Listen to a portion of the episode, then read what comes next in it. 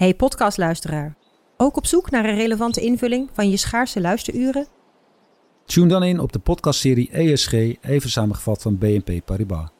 Wij, Marloes en Aldert, spreken daar duurzame voorlopers en wereldverbeteraars. Waarover dan?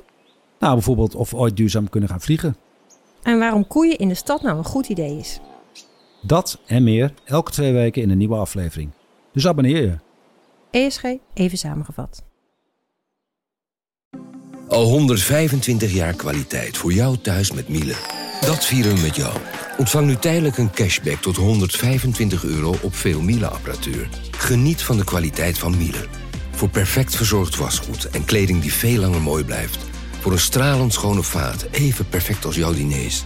En een stofvrij thuis waarin echt hygiënisch schoon de standaard is. Check miele.nl voor alle feestelijke aanbiedingen.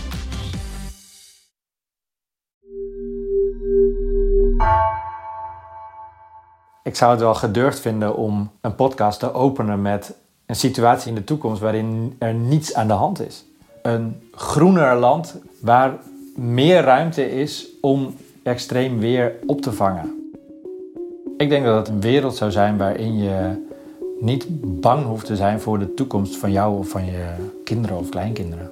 En dat ligt prima binnen handbereik. Dat ligt echt heel goed binnen de mogelijkheden. Behalve dan misschien dat het hele systeem moet zijn veranderd. Ja, Een klein jaar geleden begonnen Floor en ik aan dit project. We kenden elkaar nog helemaal niet. Hey. Hey, goedemorgen. In het galmende trappenhuis. Onze eerste gesprekken namen we op. En we vertelden elkaar over onze zorgen. Uh, vroeger ging ik wel eens met mijn vader, als we op vakantie waren, dan waren we op een camping in Frankrijk of zo. En dan uh, werd het donker en dan gingen we naar de sterren kijken. Kon hij er op zo'n manier over vertellen dat ik me ineens als ja, een jong meisje ineens met de grootheid ervan begon voor Ja. te stellen. En dat ik er bijna duizelig van werd. En ik werd ineens zo bewust van mijn nietigheid. En dat had ik even dus vanochtend even heel sterk met alles wat er gaat over de grote doemscenario's over klimaatverandering. Die zijn zo groot dat mensen er maar van wegrennen omdat ze het gewoon niet kunnen bevatten. Met deze podcast wilden we proberen het enorme thema klimaatverandering terug te brengen tot iets behapbaarders. Voor de luisteraar, maar ook voor onszelf. Dus het gaat over nabijheid. Ja, Letterlijk, figuurlijk. ja. Inlevingsvermogen. het- oh, ja, precies, dat hoort er dan bij. Want die nabijheid is een voorwaarde voor inlevingsvermogen. Ja. En daarmee dat je het je dus kunt inbeelden. Ik denk dat we ook niet alleen maar somber moeten zijn. Er zijn echt Nee. wel dingen in gang gezet. Misschien dat jij nog iets meer hoop hebt dan ik. Dat het wel goed komt of zo. Of dat, dat Nederland leefbaar genoeg blijft. Ik, ehm, ik ben daar eh, zeker niet van overtuigd. Dit zeiden we een jaar geleden. En eh, bij mij is het glas ook wel vaker half leeg dan half vol. Hoeveel reden is er om hoopvol te zijn?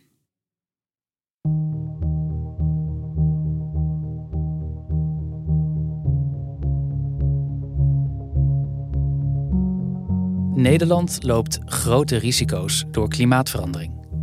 Maar onze toekomst hebben we deels zelf in de hand. Met die zinnen begonnen we deze serie. In de afgelopen afleveringen hoorde je welk gevaar we lopen. We gingen in op de vraag wie er aan zet zijn om ontwrichtend extreem weer door klimaatverandering nog zoveel mogelijk te voorkomen. In deze laatste aflevering trekken we conclusies en kijken we verder vooruit. Wat is er nu echt voor nodig om de goede kant op te kantelen? Boven Water is een podcast van NRC. Gemaakt door mij, Floor Boon en Maarten Dallinga. Ook Mandela van den Berg was onderdeel van de redactie. Dit is aflevering 6. Vooruit struikelen.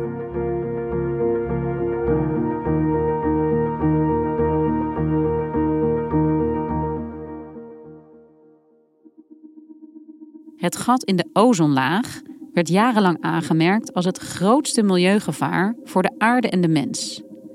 Nu herstelt het zich.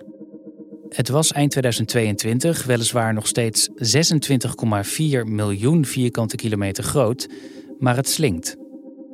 Het herstel vindt plaats dankzij een verbod op CFK's, een bepaald soort chemische verbindingen die het gat veroorzaakten.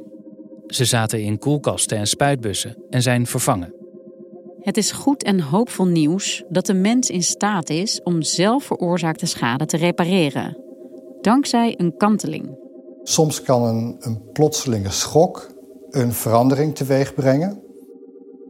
In de eerste aflevering vertelde hoogleraar ecologie en waterkwaliteit Martin Scheffer al over zijn onderzoek naar kantelpunten in complexe systemen. Hoe zit het met onszelf? vroegen we ons af. Kunnen wij als samenleving ook kantelen in onze omgang met het klimaat? We hebben op een gegeven moment gezien, om iets heel anders te noemen, roken in publieke ruimtes. Heel lang leek het onmogelijk om daar wat aan te doen. Opeens lukte het wel. En toen zag je het van het ene land naar het andere land gaan. En nu is het eigenlijk op heel veel plekken zie je niet meer dat er gerookt mag worden in de publieke ruimte. Als een samenleving er klaar voor is, kan sociale verandering snel gaan. Kun je je nog een wereld voorstellen waarin mensen roken in ziekenhuizen? Of waarin niemand een autogordel draagt? En als we verder teruggaan, een wereld waarin slavernij geaccepteerd werd of kinderarbeid. Econoom en NRC-columnist Marike Stellinga. Ik hoorde een keer een geweldige vergelijking met kinderarbeid en klimaatbeleid. En was discussie over moet je dat niet verbieden of afschaffen, want het is niet gezond voor die kinderen. En toen was het tegenargument, ja, maar dan gaan die fabrieken naar landen waar die kinderen wel mogen werken. Dit soort argumenten hoor je ook in de discussie over het klimaat. Nou, dat is precies wat je nu hoort. Hè? Anders gaat onze industrie, als wij te streng zijn, gaat naar India. En dan, nou, het klimaat niet geholpen en wij uh, ook niet. Er was op een gegeven moment een moment dat de mensen het niet meer konden aanzien. Dat ze gewoon niet meer konden aanzien dat die kinderen de fabriek ingingen. En dat laat zien hoe belangrijk normen zijn en hoe de politiek toch reageert op het gevoelen van een meerderheid over bepaalde zaken. En dat soms een discussie lang kan voortslepen voordat je eruit komt. Bij het afschaffen van kinderarbeid verloor een bestaande praktijk draagvlak. De samenleving was dezelfde argumenten anders gaan wegen. Nieuwe visies op hoe de maatschappij moest worden ingericht wonnen het van oude ideeën. Ook bij het klimaatprobleem zie je normen verschuiven. Het is misschien wel duidelijk waar we van wegbewegen, van die fossiele economie, van die fossiele maatschappij. Het verschuiven van normen gaat altijd gepaard met schuring, zegt onderzoeker Tessa de Geus van onderzoeksinstituut Drift van de Erasmus Universiteit. Ze doet onderzoek naar de sociale dimensies van transities en wat er gebeurt als alternatieve ideeën tegen de status quo beginnen aan te schoppen. Wat wij de chaosfase noemen. Daarin verandert er van alles in de maatschappij, zegt Tessa de Geus. Individuen en organisaties botsen met de gevestigde orde. Het is altijd een onderhandeling waarin al die alternatieven die we zien, die gevestigde orde ontmoeten. En we uh, eigenlijk moeten beslissen: oké, wat voor nieuwe systemen gaan we dan echt bouwen? Hoe gaan we het organiseren? Wie gaat het organiseren? Wat is daarin eerlijk? Ook in Nederland zie je normen verschuiven, zegt Marieke, die al jaren het landelijke klimaatbeleid volgt. Het meest wat ik heb geleerd in de tijd dat ik over klimaat schrijf en me ervoor interesseer, is hoe snel dingen kunnen veranderen. Dus in 2017, toen ik in Den Haag begon als politiek verslaggever, zelfde partijen als nu in de regering zitten. Toen waren ze eigenlijk, VVD en CDA, nauwelijks bezig met klimaatbeleid. Het is toen in het regeerakkoord gekomen dankzij D66 en uh, de ChristenUnie. Jarenlang stond klimaat helemaal niet hoog op de politieke agenda van VVD en CDA. Maar sinds een paar jaar is dat anders. Ineens, zegt Marieke, ging het snel. Hoezeer VVD en CDA in dit beleid zitten, erover nadenken, Kamerleden hebben die ermee bezig zijn, ja, dat is niet te vergelijken met 2017. Dus dat is ook weer super snel. De verandering is immens. Het besef dringt nu echt door. Het is naar het centrum van het financieel, sociaal-economische beleid gekomen, klimaatbeleid. Of deze verandering op tijd is, zal moeten blijken. Hoe zal Nederland eruit zien als fundamentele verandering te lang op zich laat wachten? De eerste tekenen daarvan zagen we in Zuid-Frankrijk. Tijdens die reis kwam klimaatverandering voor ons veel dichterbij. Ah. Hoi.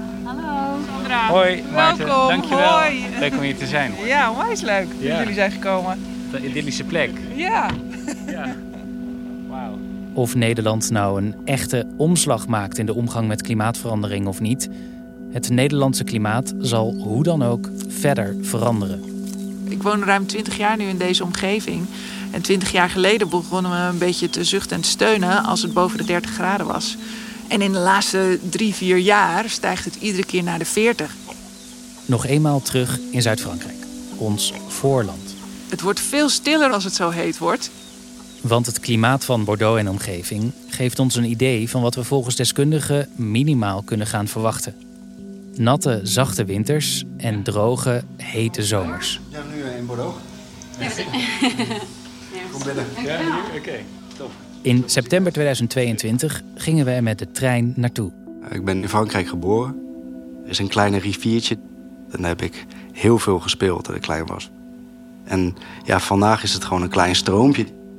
Nederlanders die al heel lang in Zuid-Frankrijk wonen en soms zelfs geboren zijn, vertelden ons over hun ervaringen met toenemende droogte en hitte.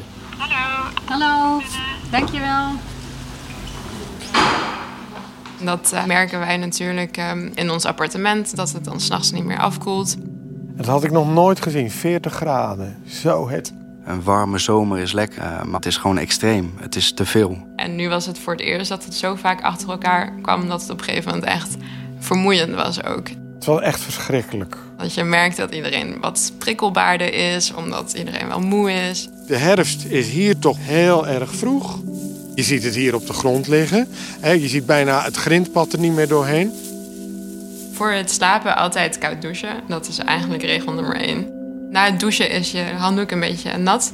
En dan dat als deken op je doen. Die koelte heb je eigenlijk nodig om je lichaam te vertellen dat het, dat het goed is. En dan hopen dat je snel in slaap valt. We lopen naar eh, Château Théac en een postzegelwijngaard. Eh, daar het lijkt het wel of er een, een brander is geweest. Je, zie- je ziet dus dat die, die bladeren verdord zijn en ook helemaal geel zijn. te weinig regen, waardoor de druifjes klein blijven. Er zit weinig vruchtwater in. Dat heb je ook wel nodig om wijn van te maken. Het geluid dat, dat me naar voren komt is natuurlijk dat het knarsen van al die kanoën over de stenen heen. Want je ziet alleen maar stenen en je ziet alleen maar een kleine water. Kijk, als het echt gaat over droogte. De ene regio in Nederland zal meer gaan merken van het Bordeaux-klimaat dan de andere, zegt NOS-weerman Peter Kuipers-Munneke. Dan zijn de meest kwetsbare plekken in de toekomst. Dat gaat vooral over de hoge zandgronden in Oost-Nederland en in Zuid-Nederland. Omdat het heel moeilijk is om daar water naartoe te transporteren. Ons huidige watersysteem voorziet eigenlijk niet in die mogelijkheid. Dit plekje heet de Lac de l'Escourou. We staan eigenlijk op een soort van bruggetje tussen twee meren in. Aan de linkerhand zien we een klein meer en die is nog vol. En aan de andere kant zie je een eh, heel groot meer. En die eh, staat normaal gesproken helemaal vol. Maar wat echt eh, indrukwekkend is, is dat het bijna leeg is. Ja, het is, het is net een, een- een zandvlakte. Het belangrijkste is natuurlijk dat er helemaal geen regen is gevallen. Dit water is echt nodig voor, om de maisvelden te irrigeren. En nu bijna leeg. Maar stel je nou voor dat er geen regen komt in de herfst. Dan is volgend jaar echt een heel groot probleem. Want dan is er geen water om de maisvelden te irrigeren. Zo leeg heb ik het in de afgelopen twintig jaar nog maar twee keer eerder gezien. Eigenlijk mee wil laten zien om jullie hiermee naartoe te nemen is hoe snel het kan gaan. Die klimaatsverandering is niet meer iets van lange termijn. Een bezoek aan Zuid-Frankrijk geeft een beeld van wat Nederland qua extreem weer te wachten staat. Het is moeilijk te voorspellen hoe het klimaat zich hier precies zal ontwikkelen. Maar welke kant we als samenleving opgaan in een veranderend klimaat is nog veel minder goed voorspelbaar, zegt Marten Scheffer. Wat als we de verkeerde kant op kantelen? Het is niet zo dat dat nou gegarandeerd goed gaat. Want ik denk dat we zien dat mensen zich ongemakkelijk voelen. Over de situatie. Niet alleen over het klimaat, maar over van alles. En je ziet spanning. Je ziet spanning in de Verenigde Staten, in, uh, in Syrië, in Hongarije, in Zweden, in Nederland. Dat betekent dat samenlevingen uh, minder veerkrachtig zijn, denk ik. Nou, wat gaat er dan gebeuren? Ja, dat is nog niet 1, 2, 3 duidelijk natuurlijk. Door de opwarming van de aarde neemt maatschappelijke veerkracht af en stijgt de kans op sociale ontwrichting.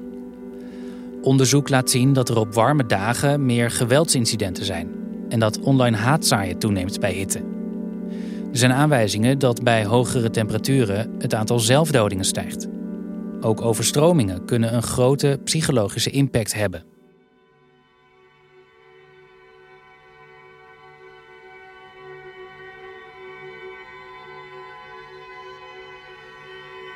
Ja, we kunnen natuurlijk eigenlijk niet wachten met die radicale systeemverandering. Het IPCC is heel duidelijk. Dat moet nu binnen een paar jaar radicaal versnellen. Het gaat niet snel genoeg. Als we het roer niet flink omgooien wat betreft de uitstoot, dan is het over zo'n 50 jaar zo dat een derde van de mensheid eigenlijk niet meer kan wonen waar ze nu wonen. Dan praten we 3 miljard mensen of zo. We hebben een gezamenlijke vijand eigenlijk. En meestal zorgt dat voor verbinding en gaan we er met z'n allen tegenaan. En met klimaatverandering, gek genoeg, gebeurt dat niet. Een bredere blik zou betekenen dat we radicaal uh, moeten veranderen. Daar is denk ik nog niet iedereen klaar voor.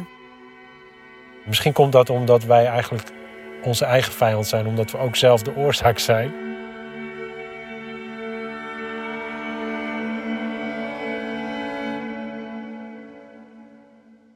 Ook als we wel de goede kant op bewegen, betekent dat niet per definitie dat we een transitie doormaken.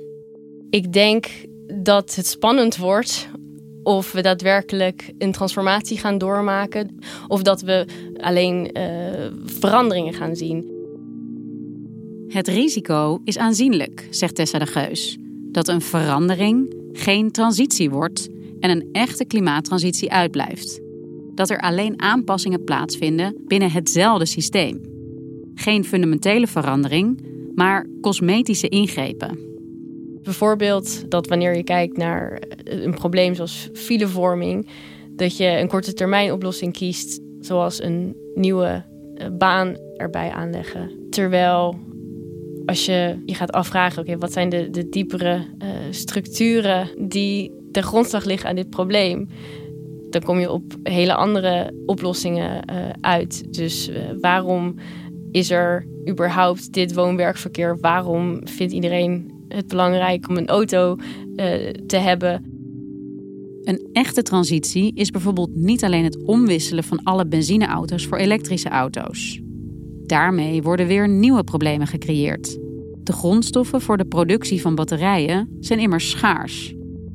Een echte transitie betekent fundamenteel nadenken over mobiliteit. Is het individuele recht op autobezit nog wel houdbaar? Als we echt meer willen dan alleen verandering, waarin we hetzelfde doen, maar dan misschien een stukje schoner en vervolgens tegen andere crisis gaan aanlopen, dan moeten we kijken naar de dieper liggende machtsstructuren die de maatschappij vormgeven en bewegen. Met die dieperliggende machtsstructuren doelt Tessa de Geus op kolonialisme. Dat bepaalde groepen anderen uitbuiten en beslag op hen leggen. Denk aan het delven van zeldzame metalen als lithium of kobalt, die noodzakelijk zijn voor de productie van batterijen. De metalen komen uit landen die daar vaak zelf nauwelijks van profiteren, zoals Bolivia of Congo. Een andere, diepere structuur is modernisme. Dat we heel erg naar onszelf kijken als individu en dat we een instrumentele relatie tot de natuur hebben. En ze noemt kapitalisme. Hoe we onze hele markt hebben georganiseerd.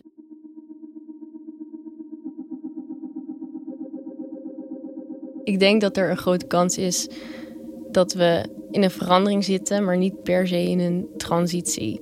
Omdat er dus om de grotere, uh, diepe machtsstructuren heen wordt gedanst we zijn allemaal groot fan van de, de Elon Musks van deze wereld. De, mensen die ons kunnen vertellen dat we op dezelfde voet door kunnen met een paar uh, kleine uh, verandering van, van ingrediënten, maar wel uh, hetzelfde recept. En dat lijkt een aantrekkelijk verhaal op het eerste gezicht, maar uiteindelijk denk ik niet dat het een oplossing gaat bieden voor de problemen waar we tegenaan, tegen de grenzen waar we aan zijn gelopen.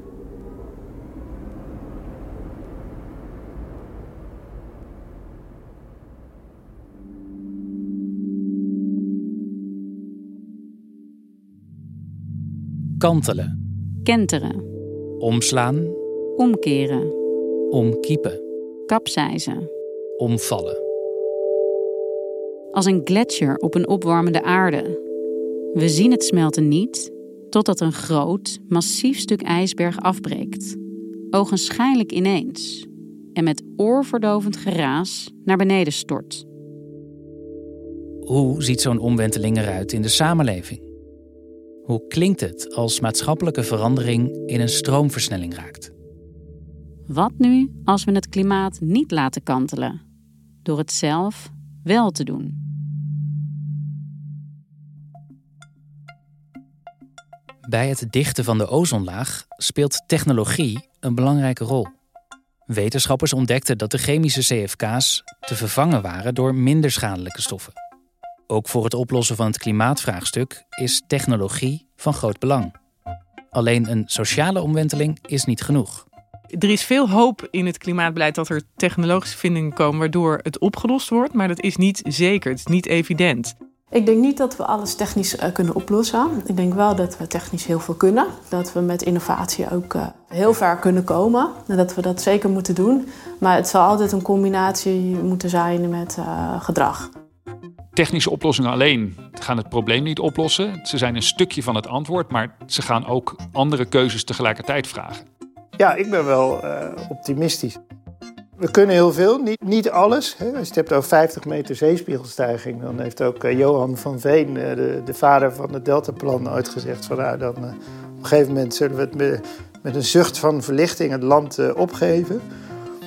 misschien komt dat punt ook, maar ja, laten we er wel alles aan doen, zodat als het kan te voorkomen of in elk geval heel lang uit te stellen. De deskundigen die wij spraken zeggen allemaal dat technische oplossingen ons kunnen en moeten helpen bij het aanpassen aan de gevolgen van klimaatverandering. Adaptatie. We hebben altijd gedacht, we hebben te veel water, maar we hebben nu soms in delen van Nederland een tijd lang te weinig water. Nou, we moeten beter opslaan. Er zijn technische mogelijkheden om nog meer te doen. Nederland hield water altijd zoveel mogelijk buiten. Maar met toenemende droogte moeten we juist meer nadenken over water zo slim mogelijk vasthouden. Maar goed, op sommige momenten moet je ook gaan nadenken: kunnen we alles wat we tot nu toe met water gedaan hebben op deze manier blijven doen? Of moeten we soms ook zuiniger zijn gewoon? Wat betreft het tegengaan van klimaatverandering, mitigatie, zijn de meningen over technische oplossingen verdeeld. Zeker als het gaat om nieuwe grootschalige technieken zoals klimaatengineering. Ik denk dat er veel mogelijk is. We kunnen een hele hoop fixen, dus laten we dat ook vooral verkennen. En dat geldt wat mij betreft ook voor die uh, climate engineering. Hè? Dat je met technische mogelijkheden, met spiegels, met stofjes die in de lucht schiet, uh, probeert eigenlijk de opwarming tegen te gaan. Door menselijk ingrijpen zonlicht tegenhouden, zodat de aarde minder opwarmt. Of technieken om CO2 uit de lucht weg te zuigen. Onderzoek naar klimaatengineering staat nog in de kinderschoenen. Kritiek is dat er te weinig bekend is over eventuele negatieve gevolgen. En dat een focus op technische innovatie mensen ervan weerhoudt om zelf iets te veranderen, omdat ze wachten op een technologische oplossing. Ik ben niet van de techno-optimisten. Ik ben ook niet per se van de degrowth, hè, van, de, van de krimp. Ik denk dat de werkelijkheid kan profiteren van ideeën uit die beide kampen. Glacioloog en NOS-weerman Peter Kuipers-Munneke. Maar ik denk wel dat we per hoofd van de wereldbevolking met veel minder energie toe zouden moeten kunnen. En die energiebehoefte die er nog over is, die kunnen we denk ik wel duurzaam opwekken. Uh, en natuurlijk is het zo, er is geen heilige graal. En het zou best kunnen zijn dat bepaalde dingen niet worden gevonden. Marieke Stellinga. Lange afstandsvliegen, hoe doe je dat dan CO2-neutraal? kan dat eigenlijk wel? Nou ja, of moet je daar toch van zeggen, daar moeten we een harde grens op zetten? Dat is wel voor mij een van de grootste politieke vragen die boven dit dossier hangt. Oplossingen kunnen ook hele uh, natuurlijke oplossingen zijn. Oceanograaf Sjoerd Groeskamp. Heel bazaal genomen, we gaan meer bomen planten. Uh, maar hè, dat kan veel verder gaan nog dan dat. Uh, tot aan uh, algenboerderijen in, in de oceaan aan toe. En nog heel veel dingen die daartussenin zitten. Die eigenlijk te maken hebben met hoe wij met de natuur omgaan. En met akkerbouw en allemaal van dat soort dingen.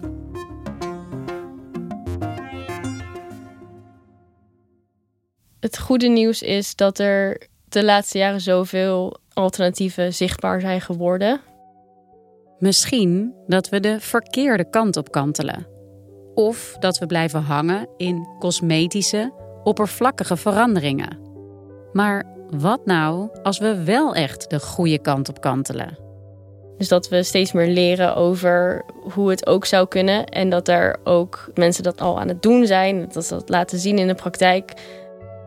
Je ziet bijvoorbeeld de opkomst van burgerraden in Nederland en daarbuiten, die eigenlijk een alternatief bieden op hoe we uh, besluiten nemen over hoe de samenleving eruit moet komen te zien. En dat vind ik een erg positieve ontwikkeling. Denk ook aan de opkomst van lokale coöperaties, bijvoorbeeld op het gebied van duurzame energie. En aan rechtszaken tegen bedrijven en overheden, om ze zo te bewegen tot klimaatvriendelijker beleid. Zoals de zaak van Urgenda tegen de overheid en Milieudefensie tegen Shell.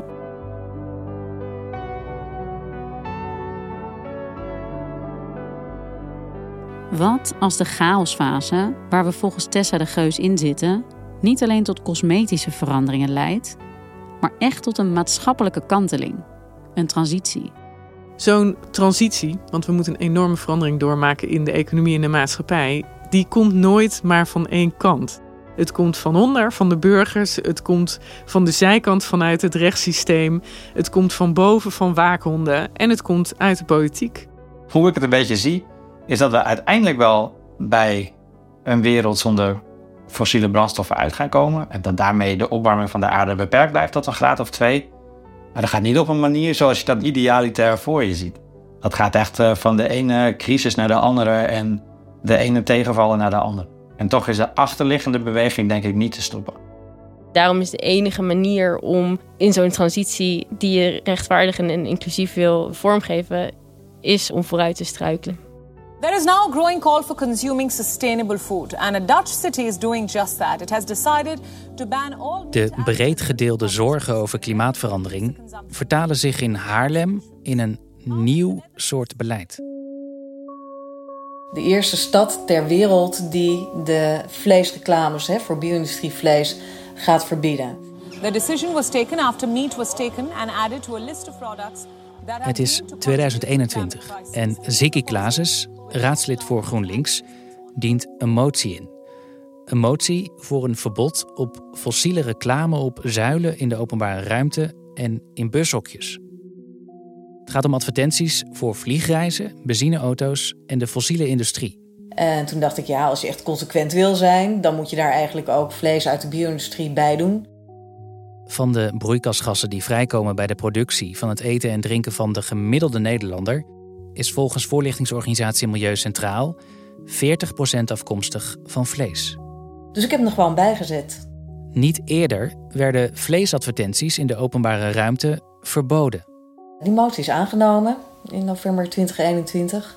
Wat het meest opvallende was, was dat CDA ook voor heeft gestemd. Die hadden toen vier leden in de fractie, waarvan de drie voor hebben gestemd en D66 ook. Het verbod, dat geldt vanaf 2024, wordt door landelijke media opgepikt. En ook in het buitenland is er veel aandacht voor. En dan The Guardian. Dutch city becomes world's first to ban meat adverts in public. Pays-Bas, les pubs pour la viande interdite dans la ville d'Haarlem. Dat is Euronews. De media-aandacht gaat gepaard met felle reacties. Met name de vleesindustrie. Het is betutteling en die zijn enorm gaan brullen. Dit wordt een rechtszaak en dit kan helemaal niet en schande. De reden dat het zo bijna polariserend heeft gewerkt, deze motie.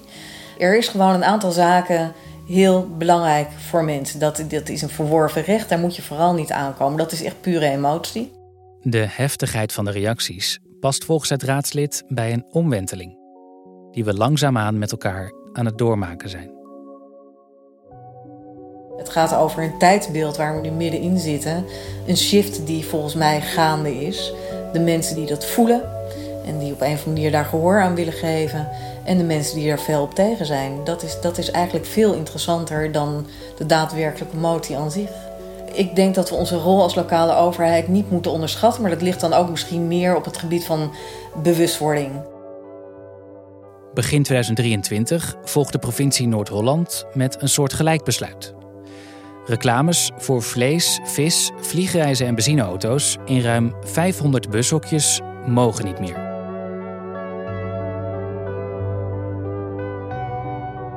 Wat ik me kan voorstellen is dat we zeggen van nou we gaan meer leven met water. En dan woon je drijvend op palen.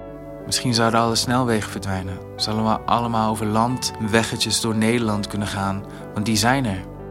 Dat mensen naar buiten kunnen, dat mensen toegang hebben tot groen ook tijdens de zomer, zodat ze daar wat verkoeling kunnen zoeken.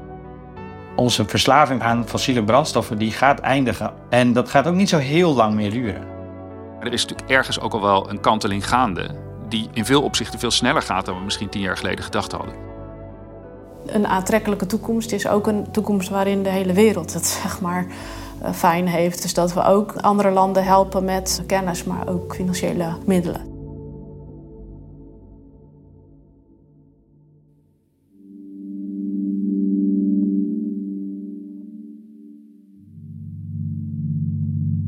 Hoe houden we ons hoofd boven water? En wie zijn daarbij aan zet? Door de podcast ben ik meer gaan kijken naar de verantwoordelijkheid van overheden en bedrijven. Ik was eerder wat meer gefocust op de rol van het individu. Ik blijf geloven dat ieder druppeltje uitmaakt. Maar de grootste veranderingen moeten toch echt van de grootste spelers komen. Ik richtte me vooral op het systeem, politiek en economisch. Individuen kunnen nauwelijks iets betekenen, dacht ik. Ze kunnen zich hooguit gezamenlijk inspannen om dat systeem te veranderen. Maar we moeten mild zijn voor elkaar. De ander vooral niet de maat nemen. We doen nog steeds te weinig, hoorden we keer op keer.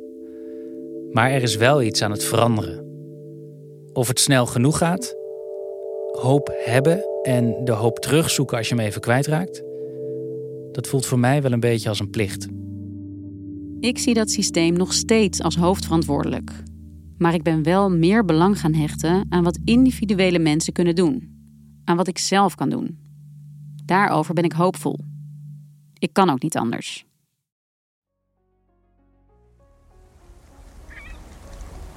Rust, ruimte, de duinen. Ik denk dat dit eiland waar ik zoveel van hou, in de toekomst waarschijnlijk uh, niet meer zal bestaan als we doorgaan op de voet zoals we dat nu doen. Zo begon aflevering 1 met oceanograaf Sjoerd Groeskamp. Die werd geboren op Texel. Inmiddels is hij voor de tweede keer vader geworden. Ondanks zijn zorgen wil hij hoopvol blijven. Ook voor zijn kinderen. Ik ben nu bezig uh, met een project om te kijken of we een huis kunnen bouwen op Texel, zodat ik daar kan gaan wonen. Dus dat zegt wel wat over mijn vertrouwen over de komende 20 tot 50 jaar, zeg maar. Maar wat daarna gebeurt, dat is voor mij ook echt een... Uh, ja, ik denk dat we er echt rekening mee moeten houden omdat het hele eiland onderstroomt. Tenzij we nu met z'n allen klimaatverandering weten tegen te gaan. En dat is, uh, ja, daar wil ik voor vechten, dat we, da dat we dat gaan doen. We kunnen het. Elke graad die we niet opwarmen is meegenomen.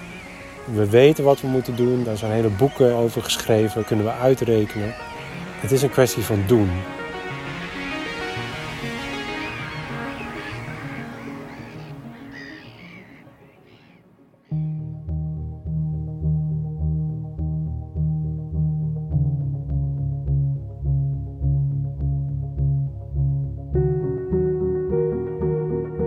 Dit was de zesde en laatste aflevering. Ben je enthousiast over bovenwater? Laat dan een recensie achter. Reacties bovenwater.nrc.nl Bovenwater is een podcast van NRC. Gemaakt door mij, Floor Boon, Maarten Dallinga en Mandela van den Berg. Montage Maarten Dallinga en audiochef. De muziek werd speciaal voor deze serie gemaakt door Maarten Vos. Eindredactie Mirjam van Zuidam. Chef van de audioredactie is Anne Moraal. Het beeldmerk werd ontworpen door Marijn Hos. Veel dank aan iedereen die we hebben gesproken en iedereen die meedacht en meeluisterde.